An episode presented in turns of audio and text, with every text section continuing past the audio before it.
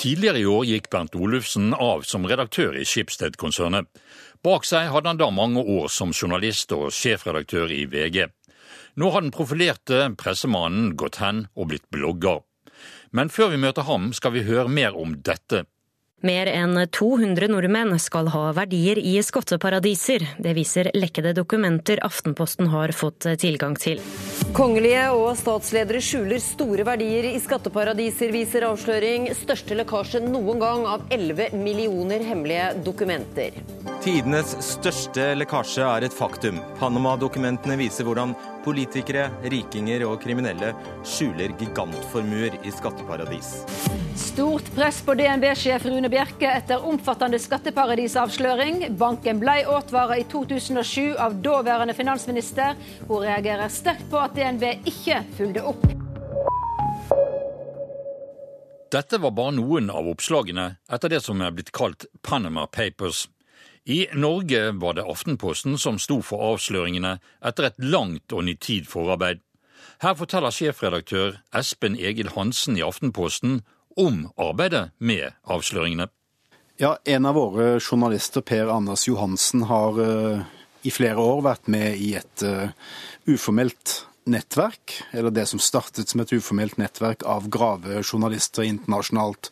Hvor man har hjulpet hverandre med teknikk rundt graveprosjekter, utvekslet informasjon osv. Og, og så har vi bak oss noen helt konkrete prosjekter. Denne såkalte Luxembourg Leaks var en av de hvor da Per Anders Johansen og andre journalister fra Aftenposten har deltatt.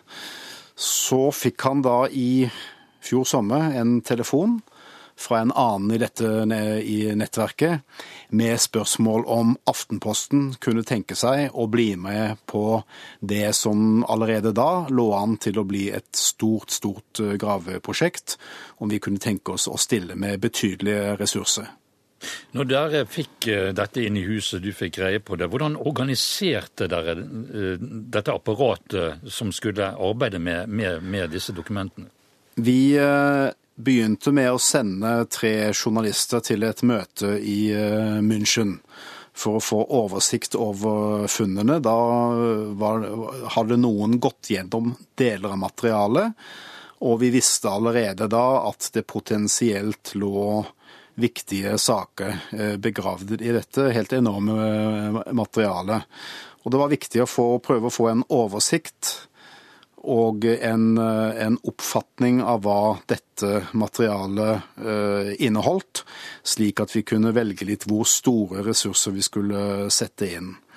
Og så ganske raskt så eh, lagde vi en gruppe av journalister og researchere, fem stykker, som fikk i oppdrag å bidra og delta i det vi kan kalle en dugnad, en journalistisk dugnad så skal vi huske at dette er rådokumentet. Eh, det er 11,5 millioner dokumenter og e- e-poster, og eh, de var ikke søkbare. Eh, vi visste jo ikke hva som lå i materialet, så faktisk mye av denne dugnaden har jo dreid seg om å gjøre materialet tilgjengelig, gjøre det søkbart, vi har opprettet relativt avanserte databaser, og det er utviklet databaseverktøy for å kunne dra ut essensen av eh, dokumentet, sammenligne informasjon fra disse dokumentene med annen tilgjengelig informasjon osv. Det er jo en, hva skal vi si, en lite glamorøs del av et slikt eh, graveprosjekt. For det er mye arbeid. Det er mange stunder hvor man kanskje tenker at her er det ingenting. Kaster vi nå bort dyrebar tid, måned etter måned? Men det var helt nødvendig uh, i dette prosjektet. Og den, kanskje den største verdien, uh, slik jeg ser det, med dette prosjektet, var at vi gjorde nettopp den jobben så grundig, og at vi klarte å gjøre det, den jobben sammen. Men dette med å stole på at disse dokumentene uh, var, for å si det på godt norsk, the real thing, uh, var dere overbevist helt fra begynnelsen av? Nei. Uh, vi, vi, kunne ikke være overbevist om det. vi har her å gjøre med en anonym kilde som har gjort disse dokumentene tilgjengelige for oss. Det fordrer en kritisk tilnærming til hvert enkelt dokument, hver enkel e-post. Slik at en stor del av arbeidet har jo handlet nettopp om det. Sam sammenligne disse dokumentene med annen tilgjengelig informasjon for å prøve å sannsynliggjøre om, om, de, om de er ekte. Altså hvert enkelt dokument er re reelt. Og, og vi har hatt som utgangspunkt at vi må sannsynliggjøre hvert dokument. Og der hvor vi ikke har kunnet gjøre det, så har vi måttet lene oss på, på, på andre kilder, eller rett og slett ikke kunne bruke den eh, informasjonen. Nå var jo eh, Aftenposten eh, ett av de mediehusene som så å si var blitt invitert inn i, i, i varmen. Men det var jo mange andre store også, som du har vært inne på. Så begynte det hele i, i Tyskland med Süddeutsche Zeitung. og jeg forstår så var bl.a. Guardian og en del andre kvalitetsaviser også eh, involvert i dette. Gikk dette samarbeidet, Kunne man bruke hverandres ressurser i, eh, i dette arbeidet? Ja, absolutt. Eh, og ja, det er noen store internasjonale redaksjoner med, men slik jeg ser det, så har styrken her vært at det har vært mange enkeltjournalister, også frilansjournalister og, og, og relativt små redaksjoner som kanskje ellers ikke ville kunne deltatt eller, eller kunne forholde seg til et, et stort uh, materiale. De har vært veldig dedikerte. Uh, og, og, og uh, svært dyktige folk har jobbet sammen. Et eksempel. Den islandske frilansjournalisten Johannes Kristiansson satt helt alene på Island Eh, han er ikke del av en eh, redaksjon. Eh, han kunne ikke fortelle til noen, heller ikke til sin familie, hva han holdt på med. Og vi snakker da selvfølgelig om, om opplysningene som nå denne uken har felt statsministeren. Og det er klart, en enkelt journalist unnskyld, kunne ikke håndtert dette alene. Så gjennom nettverket så ble det organisert en, en, en gruppe, og flere har assistert og støttet Kristiansson. Et, en gruppe fra Sveriges Radio var med som både researchere og TV-crew, og også Aftenposten har hatt en rolle i, i, å være med i hans nettverk. Og Det er en, et, et, eksempel på at bare, her, her, dreier det seg ikke bare om store, ressurssterke Eh, redaksjoner, men også svært dyktige enkeltpersoner som fordi vi har jobbet sammen og, og i et nettverk, har fått til dette. Denne gruppen som Aftenposten nedsatte og utvidet etter hvert, eh, de holdt jo til eh, i, i, i, i Aftenposten i det såkalte buret. Hvordan reagerte deres kollegaer på at her var det ingen adgang, og her satt kollegene deres og, og, arbeidet med noe som de ikke ville fortelle noen ting om? Nei, det er, et, det, er et, det er, et, godt spørsmål, og, og, det har jo selvfølgelig vært mange, mange spørsmål hele tiden. Eh, vi har gitt beskjed om at det dreier seg om et graveprosjekt eh, som må være hemmelig. Eh, det har, det har folk respektert. Og rent faktisk så tror jeg ikke det er noen uh, andre enn noen få uh, redaktører som, uh, som, har visst om hva som, som foregår. Så det har vært en spesiell situasjon, men det er jo heller ikke en helt unik situasjon i en redaksjon. Det, fra tid til annen så hender det at vi får informasjon som må behandles med stor konfidensialitet av ulike grunner. Og, og, det er det selvsagt forståelse for i en redaksjon. Men vi er jo også veldig nysgjerrige journalister, så det er klart at dette har vært eh, spennende. Når dere publiserte dette mandag den 4. april, så var det noe sånn rundt 22 eh, sider eh, totalt med, med avsløringer eh, på dette. Og det har jo dryppet også utover videre. Eh, hva har dette lært eh, redaksjonen i Aftenposten? Nei, vi Jeg tror det, det nye er jo det at vi har jobbet sammen med eh, det vi ofte opplever som konkurrerende medier. Vi har jo et ideal i, eh, i, i pressen, en idealsak, og det er Watergate.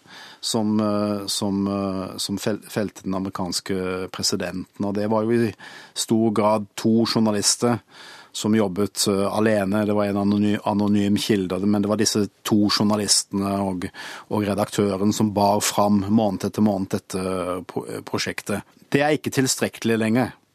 Watergate ville i dag ikke kunne bli avslørt av to journalister, tror jeg, uh, fordi de som søker å skjule denne type informasjon, har i dag så mye bedre metoder for det.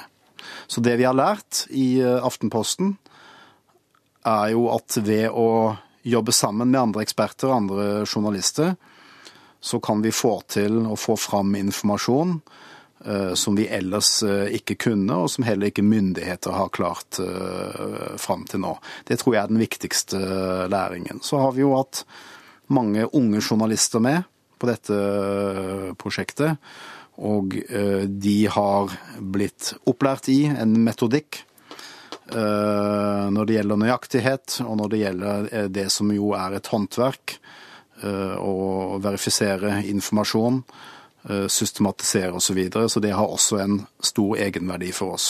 Sånne ting som dette det skjer jo ikke daglig i verken norsk eller internasjonal presse. Men hvis det skulle skje igjen, og dere fikk den samme invitasjonen så å si, å bli med i dette selskapet, ville du eh, sagt ja da? Gitt grønt lys? Ja, uten, uten, å nøle så ville jeg sagt eh, ja, men vi ville gjort det samme. Vi ville gjort en egen vurdering av materialet, ekthet. Eh, og, og, og, og, så deltatt. Det, det, det vanskelige her er at man må allokere vesentlige ressurser, altså mange journalister, eh, uten helt å vite hva man får igjen. Men det er, det er, eh, det er prisen. Men eh, dette vil vi helt klart gjøre igjen dersom vi får muligheten. Nå har jo Aftenposten blitt sitert på dette i alle medier så å si i Norge, og fått heder og, og, og god omtale. Men innerst inne, er det det som betyr mest, eller er det dette med å være den fjerde statsmakt? Ja, det er det siste. Og det, vi har en viktig oppgave i å drive uh, samfunnsdebatten. Og noen ganger så er det uh, riktig å søke å bringe fram informasjon som noen prøver å holde hemmelig. Uh, og, så enkelt er det i, i, i, i, dette tilfellet. Det materialet vi har, er, handler i stor grad om noe som ikke helt tåler dagslys. Men det skjer noe når dette materialet kommer fram i lyset. Vi kan jo se nå i de, i de første dagene eh, av avsløringene, så har det allerede startet en eh, rekke vesentlige debatter eh, rundt det statseide DNB. Hva skal en slik bank egentlig kunne holde på med? Det er i stor grad et moralsk spørsmål mer enn juss. Vi har fått en fornyet internasjonal debatt om de såkalte skatteparadisene altså eh, skatteregimer som er svært gunstige, og som eh, kan være, kan være, helt legitime for et selskap eller enkeltpersoner å bruke, men som jo også er en stor utfordring f.eks. Eh, for, for et velferdssamfunn som vi har her i Norge, hvor vi er avhengig av at vi stiller opp i dugnaden der og, og betaler skatt og finansierer fellesgodene. Ja, det er eh, grisete, vil jeg si. Det er eh, bryter, etter det jeg kan eh, skjønne, mot fem helt klare bestemmelser i pressens Vær varsom-plakat.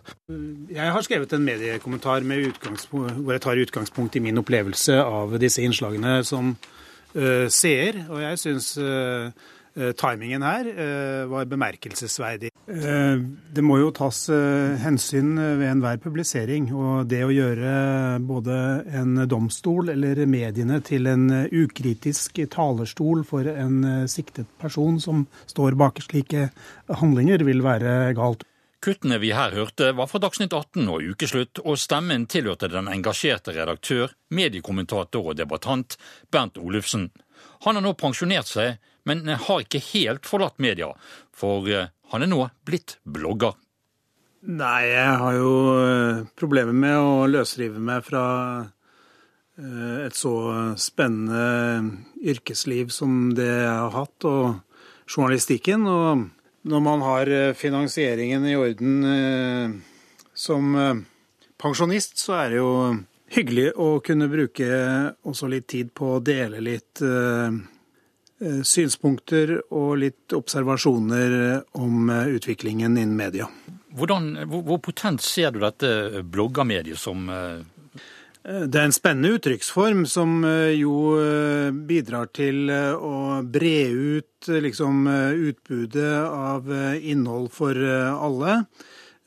Nå kan jo enhver være sitt eget medium gjennom å etablere et nettsted eller en blogg og dele sine observasjoner med alle som måtte interessere seg for eh, det området man eh, skriver om. Og det bidrar til å holde meg aktiv, det bidrar til at jeg følger med på ting. og så jeg syns det er et positivt eh, medium.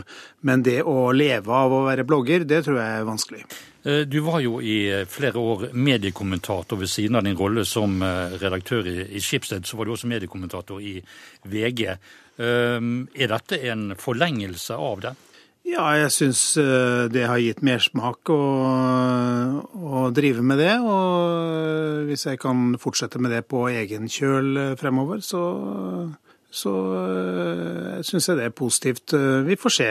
Jeg har et upretensiøst og åpent forhold til det meste nå som er blitt pensjonist.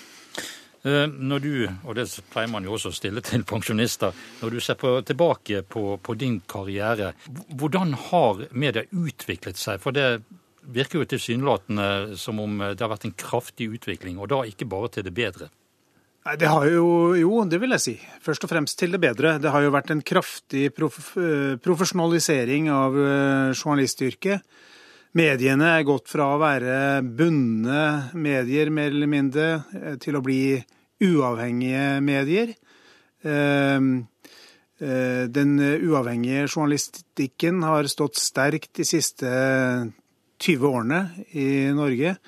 Eh, det som er litt synd, er at vi nå ser at medieøkonomien blir så presset at uavhengigheten kanskje svekkes noe i forhold til kommersielle interesser.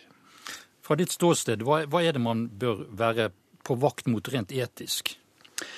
Nei, jeg mener at uh, det er tre ting som uh, er svært uh, vesentlig for mediene nå hvis de skal opprettholde sitt brede og store publikum.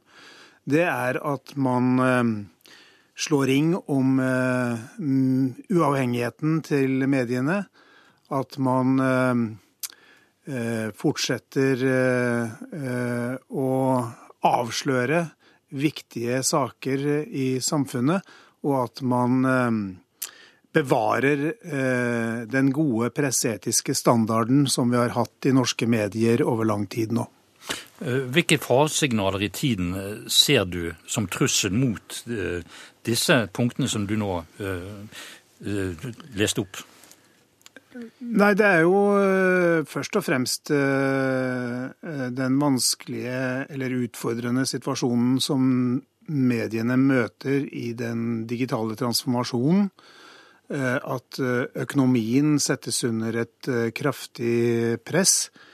Og det er også det at det dukker opp mange nye medier og mange nye kommunikasjonsformer hvor eh, den presseetiske standarden, eller den etiske standarden, ikke er like eh, innarbeidet. Vi ser jo at eh, det brer om seg med både hatefulle ytringer, usant innhold i mange av de sosiale mediene som preger hverdagen vår i dag. I forlengelsen av dette med å se, se tilbake på, på, utviklingen, så kan jeg også, så, også spørre om høydepunkter da, eh, i, i, din karriere. Ja, Det er veldig vanskelig for meg å peke på noen eh, enkeltstående eh, saker eller eh, episoder. Det har jo vært en eventyrlig reise, men hvis jeg skal trekke frem noe, så må det være arbeidet med å gjøre VG ikke bare til en populær og underholdende avis, men til en viktig og avslørende avis i norsk samfunnsliv. Der har VG gjennom 20 år gjort en veldig viktig reise. Hvorfor er det så viktig å ha denne her fjerde statsmaktrollen, altså dette med å drive kontroll og, og undersøkende journalistikk? Ja, Det ser vi jo eh, hele tiden eh, eksempler på, hvor eh, mediene avdekker kritikkverdige forhold i samfunnet som en del mennesker med makt og myndighet ønsker å beholde skjult. Og det er helt avgjørende for et levende demokrati at eh, mediene evner å se maktpersoner og politikere, tillitspersoner i samfunnet, i kortene og undersøke at alt går riktig for seg. Dessverre ser vi hver eneste uke eksempler på at dette ikke holder mål. Og derfor er det ikke bare viktig for eh, et land som Norge, men for hvert eneste lokalsamfunn at man har vitale lokale medier som tar på seg dette oppdraget. Jeg har jo i vinter eh, igjen vært eh, leder av juryen for de årlige Scoop-priser. Det er stiftelsen for en kritisk og undersøkende Eh, presse, som hvert år premierer det beste av undersøkende journalistikk i Norge. Også i år ser vi en serie eh, eksempler på hvor viktig det er at mediene fyller denne samfunnsrollen. Man skulle jo tro i en tid hvor eh, økonomien for medier er noe anstrengt, for å si det mildt, at det vil gå utover denne type journalistikk. Men er det din erfaring? Ja, Nå er eh, antallet nominasjoner til Scoop-prisen i år noe lavere enn det var i fjor. Jeg vet ikke om dette skyldes en mer presset eh, medieøkonomi, men det er ingen tvil om at de samlede ressursene til undersøkende journalistikk i Norge er kommet under et eh, kraftig press fra økonomien. Vi ser jo at betydningen til NRKs eh, statsfinansierte gravejournalistikk blir eh, økende i vårt samfunn. Mens kanskje det er vanskeligere for de private aktørene å sette av midler til dette når økonomien blir så presset. Enkelte redaksjoner har opprettet eh, egne gravestipend for sine journalister. Det vil si at journalister må søke om å få lov til å drive det som er kjernen av det journalistiske samfunnsoppdraget, og det er jo litt av et eh, paradoks. Hvis du skal se litt inn i eh, det man kaller glasskulen, eller krystallkulen, altså eh, fremtiden for, for norske medier, hva tror du da på kort sikt? Ja, på kort sikt er jeg sikker på at norske medier står så sterkt at de vil opprettholde sin Eh, sterke posisjon hos eh, lyttere, seere og lesere over eh, hele Norge. Norge er jo et helt eksepsjonelt utviklet mediesamfunn med et stort antall lokale mediehus som har solid fotfeste og røtter i sine lokalsamfunn. Det er en situasjon som jeg tror vil vare ved i mange, mange år. Men det er viktig at eh, eh, mediehusene eh, gjør sitt ytterste for å fylle samfunnsrollen og for å bevare rett og slett sin troverdighet hos leserne. Den tillit og troverdighet er jo ikke noe som mediehusene kan slå seg på brystet og erklære at de har. Dette er jo opp til eh, hver enkelt eh, bruker å forholde seg til om de vil eh, ha tillit til norske medier. Og det krever en viss faglig og profesjonell standard.